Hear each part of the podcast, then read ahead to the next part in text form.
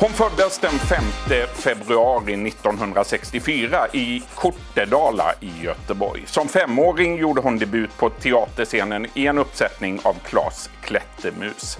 14 år gammal debuterade hon i tv-serien Hem ljuva hem och sedan dess har vi sett henne i filmer som 1939, Black Jack och Änglagård.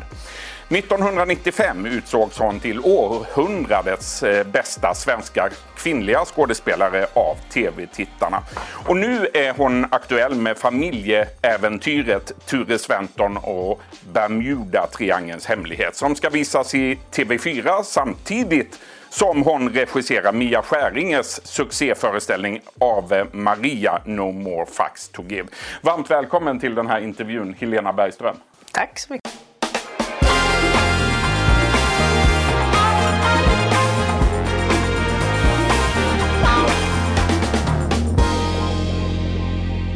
Många strängar på din lyra. Ja, det du har missat faktiskt är det som har också riktigt engagerat mig under hösten och det är att vi har, har igår avslutade inspelningen på bröllop, begravning och Du kommer direkt ifrån inspelningen Ja, i Kalmar. kommer faktiskt direkt. Nej, i, i Ulricehamn. I Ulricehamn. Inte en siffra. Inte en siffra rätt. Nej, Sorry. ja, nej, så att det, det Hur har det gått med de inspelningarna? Ja, men det har ju varit otroligt roligt och det är fantastiska skådespelare. Den, den serien gick ju i, ja, i våra, eller vintern, våren här i, eh, på, på TV4 Simor. Eh, och har, varit en, det är ett fantastiskt gäng att jobba med och en otroligt härlig historia tycker jag. Vad säger du om tittarnas mottagande av denna serie? Ja, men det var ju underbart. Det är därför vi har fortsatt också. Såklart. Du, vi ska börja från början nu, eh, Helena. När du var tre år gammal då flyttade familjen till Västerås där din pappa Hans Bergström var regissör och chef på Teater Värmland. Nej! Nej, Västmanland, vad är det? Fan! Nej, men det här är ju jätteroligt. Nej. Jo, det är jätteroligt. Teater Till. Västerås i Teater Värmland. Det, då skulle... Ah! Konst. Nu börjar vi från början, Helena Bergström. Ja. När du var tre år gammal Ja. då flyttade familjen till Västerås där din pappa Hans Bergström var regissör och chef på Teater Västmanland. Ja. Mamma Kerstin Widgren hon var skådespelare precis som sin pappa, din morfar Olof Widgren. Var det självklart för dig att bli skådespelare? Absolut inte. Vad drömde du om? Eh, jag drömde om att bli veterinär förstås. Jag, jag är ju liksom besatt av djur och har varit det sedan jag, jag kan minnas. Jag hade en hund som hette Tina. Eh, från, ja, ja, så länge jag kan minnas. Hon var... Jag, klä, vi vet att jag klädde ut henne i... Det låter lite djurplågeri men hon var väldigt med på det. Men jag klädde ut henne i mina... Så jag satte på någon, någon dockcap och eh, målade fler prickar på henne. Och så fick hon åka i barnvagnen, kom, eller dockvagnen. Och så att jag, men vi var väldigt, det var min bästa, bästa vän den här hunden Tina. Så att det blev, och sen så började, fick jag följa med min syster till stallet när jag var fem år. Så att hästarna var också en, liksom betydde otroligt mycket. Så därför var mitt mål att bli veterinär. Tyvärr så var jag ju inte hejdundrande bra på matte och så i skolan. Eh, så att överhuvudtaget skolan var väl, jag var väl så här liksom halv medelmåtta så att jag skulle aldrig komma in eh, på utbildningen till, till eh, att bli veterinär. Men innan dess också det beslutet skulle tas förstås att gå vidare utbildningsmässigt så eh, började ju jag med teater och, och med film. Ja, du var bara fem år gammal när du ställdes på scen i en uppsättning av Klas Klättermus. Och pappa spelade hare, mamma var björn, syrran Anna var ekorre. Du har sagt att den här föreställningen var ett trauma och att du grät hela tiden. Ja, det nej, så? men det var ju så här att jag, jag var dansmus då. Eh, och det, min pappa var ju som sagt, som du sa, chef då på den här Västmanlands länsteatern i Västerås. Och eh, de skulle göra den här stora familjeuppsättningen eh, på teatern. Och då behövde man ju väldigt mycket barn. Eh, och då var det billigare att ta in ba- barnen till de som jobbade på teatern. Så där, därför så var min syster med och jag med och all, alla som, som jobbade på teatern, deras barn var med. För det liksom, dansmössen var sådär sju, åtta stycken. Ekorrarna var fyra barn. Alltså det var ju jättemånga barn. Men jag var ju, min mamma då var ju Brummelmor och sen hade hon ett barn där som hette Brummelman och hon sjöng en sång till den här lilla Brummelman. Och jag var ju otroligt svartsjuk på det där. Så jag stod i kulissen och tokgrät för att hon inte, det är klart inte hon skulle skrubba en liten mus. Så, så när jag kom hem på, på, efter föreställningen så fick hon liksom kasta ner mig i badkaret så fick hon sjunga sången till mig. Skrubba lilla Helena. Och jag var så otroligt svartsjuk. Jag hade fulaste peruken. Eh, den flickan som jag skulle hålla i handen petade sig i näsan innan vi skulle gå in på scenen. Och hon var egentligen yngre, några månader yngre än jag. Men hon fick ändå gå före mig i kön för jag var så liten så jag fick gå sist i kön. Fulast peruk. Jag skulle hålla handen med en tjej som hade petat sig i näsan. Med, med, alltså allt var åt helskotta. Det låter som en riktig skräckupplevelse. Ja, och mam, pappa som var chef fick ändå vara med också för det var så mycket roller så han spelade hare då och stod och skällde på min mamma eh, i kulissen för att jag var så gnällig och inte ville gå in på scenen. Och syrran som stod som ekorre stod och sa sluta nu tjuta jäkla unge. Och mamma och pappa började, jag undrar om det är där skilsmässogrälen egentligen började på riktigt, jag vet inte. Ja, nåväl. Eh, det har ju inte gett mig ett sånt trauma att jag inte liksom, jag tog ändå beslutet och blev skådespelerska. Men det känns som att det var en ganska lång resa ändå ifrån den där ja. eh, ledsna femåringen Ja, och det var, men jag är uppvuxen liksom 70-tal eh, på teatern och det var väldigt mycket diskussioner om, jag minns ut att vi låg under bordet eh, vår, vi barn våra liksom, skådespelande föräldrar satt och liksom, så här, rökte och prata om liksom, teatern och vad viktig den är och vi ska göra teater för barnen och vi ska Hallå! Vi ser barnen där under. Vi finns också. Men det var liksom teatern var det stora. Det skulle förändra världen liksom. Var det där en typisk bild ifrån din uppväxt? Ja, det var väldigt mycket, eller i alla fall det är en bild som det som jag, så som jag minns det. Men det är klart att det, det, min mamma skulle säkert minnas det på ett annat sätt och min syster kanske på ett annat sätt. Men jag minns faktiskt det där så ganska tydligt att, att, eh, att konsten var viktigare än livet. Och därför är det för, har det för mig alltid varit att livet måste vara, gifta sig med konsten och det är åt det hållet det ska vara. Så därför är, tror jag att, min, att det har präglat mig oerhört mycket som skådespelerska själv. Jag, är, jag vill berätta om livet. Jag, vill, jag är en, en, en människa som lever mitt liv i verkligheten. För skulle jag inte leva i verkligheten så, eh, så skulle jag inte kunna skildra den. Men det är många så kallade, så jag blir tokig när jag känner mig att det är så här pretentiöst och konsten och jag kan säga, ah, så här, det, då får jag fullständigt tokspel. Antagligen för att jag liksom är, har, har, jag är injicerad med detta lite från barndomen. När du var 16 år gammal då mm. åkte du till USA, till Jackson i Mississippi och du blev kvar där i ett år. Eh, vad upptäckte du hos dig själv i USA? Ja, då var jag liksom... Jag hade haft en ganska brokig, fantastiska, faktiskt kärleksfulla föräldrar. Men de, de skilde sig när jag var 9-10 år. Och eh, båda ny, med nya partner, jag fick ett, ett nytt syskon. Allt var liksom, och min mamma var sjuk under en period. Och det var väldigt brokigt. Eh, och jag var väldigt orolig som barn. Och, eh, så att när jag väl åkte till USA så var det liksom en helt ny människa. Som fick liksom, jag, jag tror att jag skådespelade när jag åkte till Mississippi. Jag började liksom, jag hade så här blå kajal som liksom drogs upp. Alltså, alltså, och eh, be, vadderad bh, jag åkte på dejter. Jag låtsades liksom att jag, eh, men att jag på något sätt var den här amerikanska liksom, flickan. Det var många saker som jag reagerade mot. Det var väldigt segregerat. Eh, och jag vet att jag kände att det här känns inte bra, det är inte rätt. Men jag var inte tokmedveten ändå, tror jag, som jag skulle reagerat liksom, som vuxen. Men, men din egen oro, den försvann? Den försvann. Eh, den försvann, eller den försvann ju inte, men jag var så långt borta från att vara orolig för mamma och för, för liksom livet här hemma. Så att jag levde i någon slags bubbla där av någon slags, nästan som make believe. Och där började jag faktiskt också med teater. Genombrottet kom 1989 med filmen 1939 som utspelar sig under andra världskriget. Och du spelar Berit. Hur betydelsefull var den rollen för dig? Det som hände med 1939 det var så att alla, jag fick väldigt mycket filmroller un, liksom under, väldigt snabbt under när, när, eh, när jag började där då. Eh, fortfarande gick på scenskolan. Men det stora var den här filmen 1939 som skulle vara, som alla unga skådespelare pratade om, som skulle vara den största satsningen. Men de hade inte ringt mig. Och ens att jag fick provfilma så jag var så här, vad fan. Men så ringde de helt plötsligt. Och så, kom jag, så skulle jag få provfilma för kompisen. Så här, se till liksom huvudrollen. Och jag tänkte så här, åh vad tråkigt, jag skulle vilja spela huvudrollen. Tänkte man ju förstås då. Men sen var det det att den där kompisen var en fantastiskt rolig roll.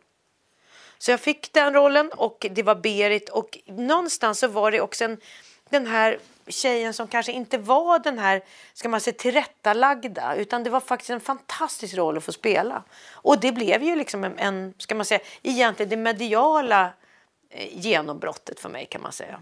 Idag är även din dotter Molly Nutley en etablerad och känd skådespelare. Ni har flera gånger spelat mot varandra, bland annat i Änglagård 3 men också i kriminalserien Saknad. Hur var det att spela mot Molly första gången?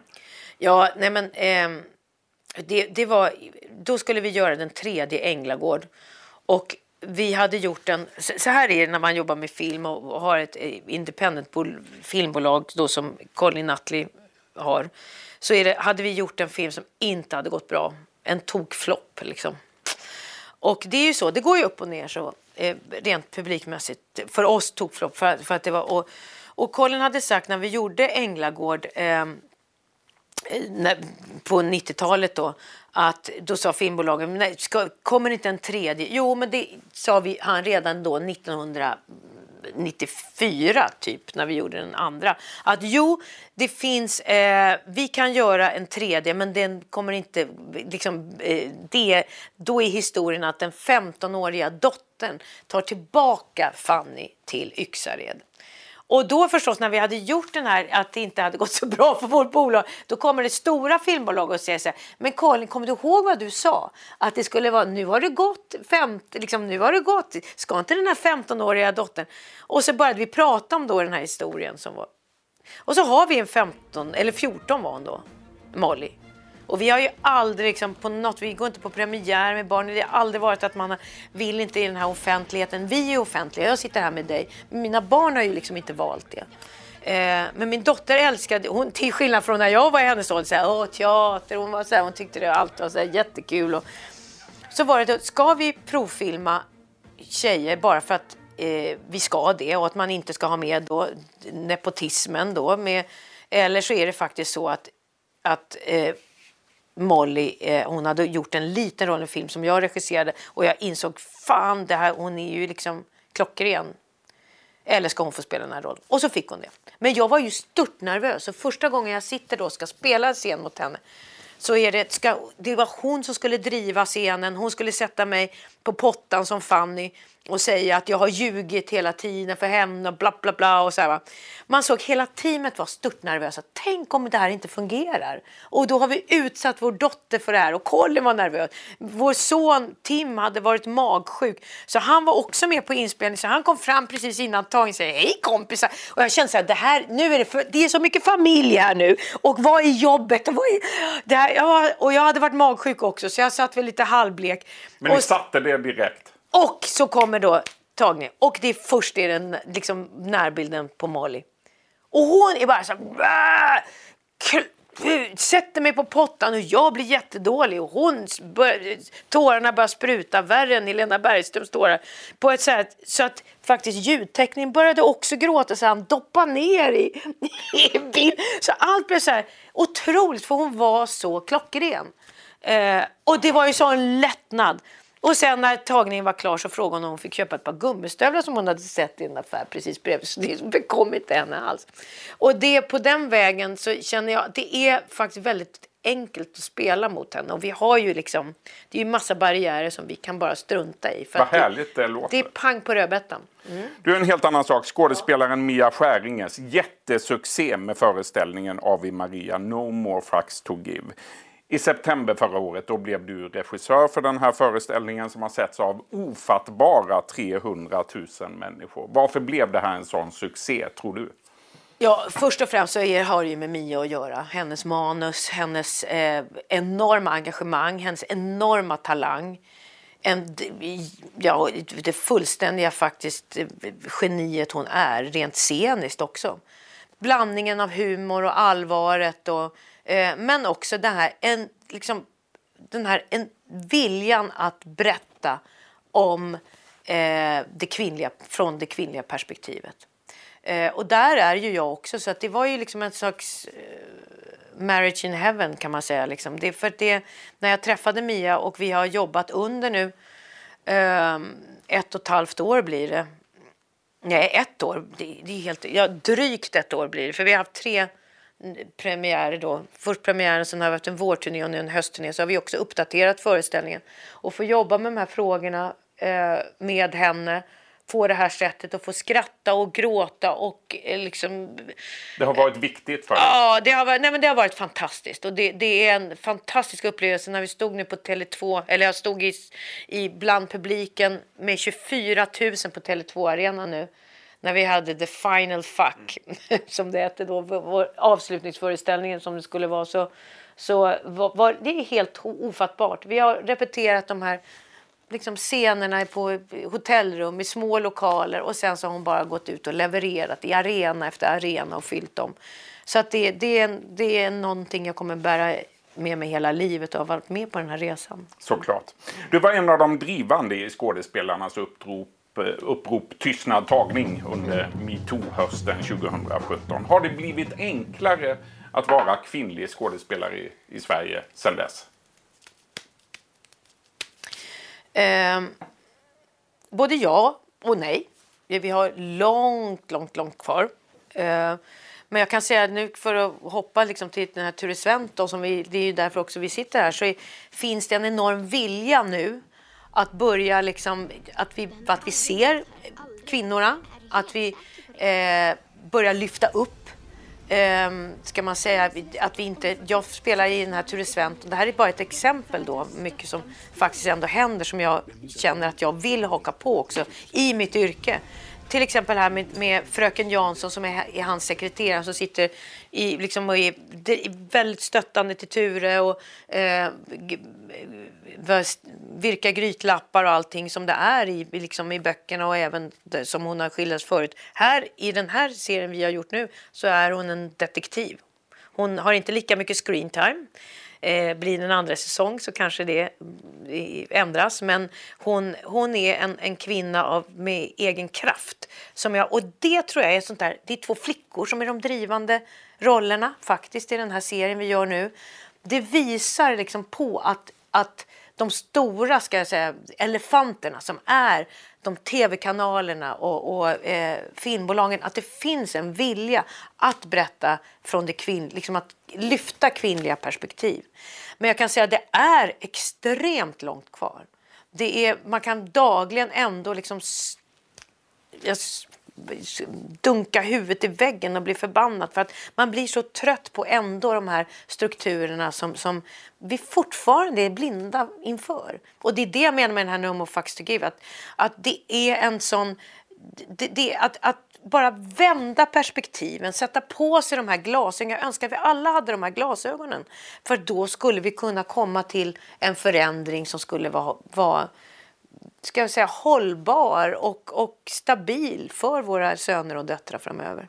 Stort tack för det Helena Bergström, alltså aktuell med eh, Ture Sventon och Bermuda Triangelns hemlighet som har premiär på Simon nu på fredag och två veckor senare på TV4.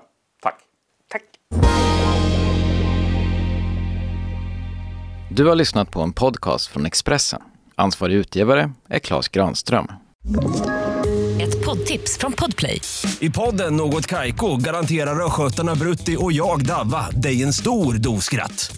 Där följer jag pladask för köttätandet igen. Man är lite som en jävla vampyr. Man har fått lite blodsmak och då måste man ha mer. Udda spaningar, fängslande anekdoter och en och annan arg rant. Jag måste ha mitt kaffe på morgonen för annars är jag ingen trevlig människa. Då är du ingen trevlig människa, punkt. Något Kaiko, hör du på Podplay. Därför är gardinerna.